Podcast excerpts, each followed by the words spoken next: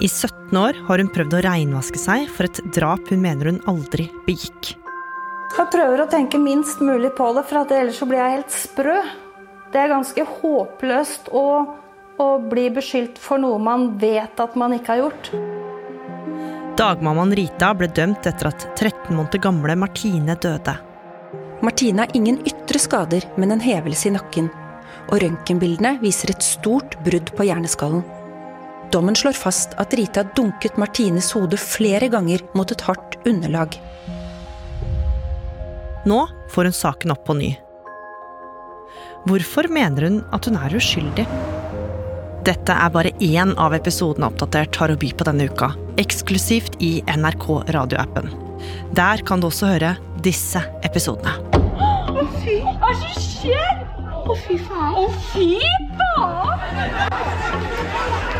Nylig ble en søvnig Bergensgate forvandla til en stridssone.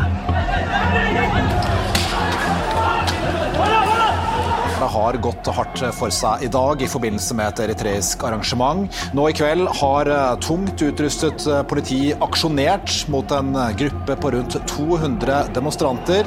Politiet har registrert at eh, det er personer som har tatt i bruk mursteiner, jernstenger og trestokker.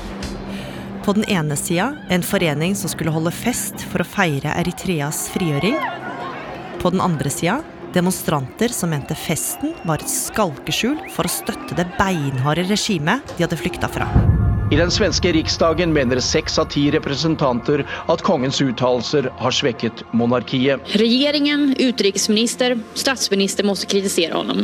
Sen tror jeg også at denne debatten kommer lede til at alt flere svensker blir for republikk. Hvorfor havner svenskekongen stadig i trøbbel? Og kan svenskene egentlig stole på ham? Oppdatert finner du kun i NRK radioappen. Der finner du både nye og gamle episoder fra hele arkivet vårt.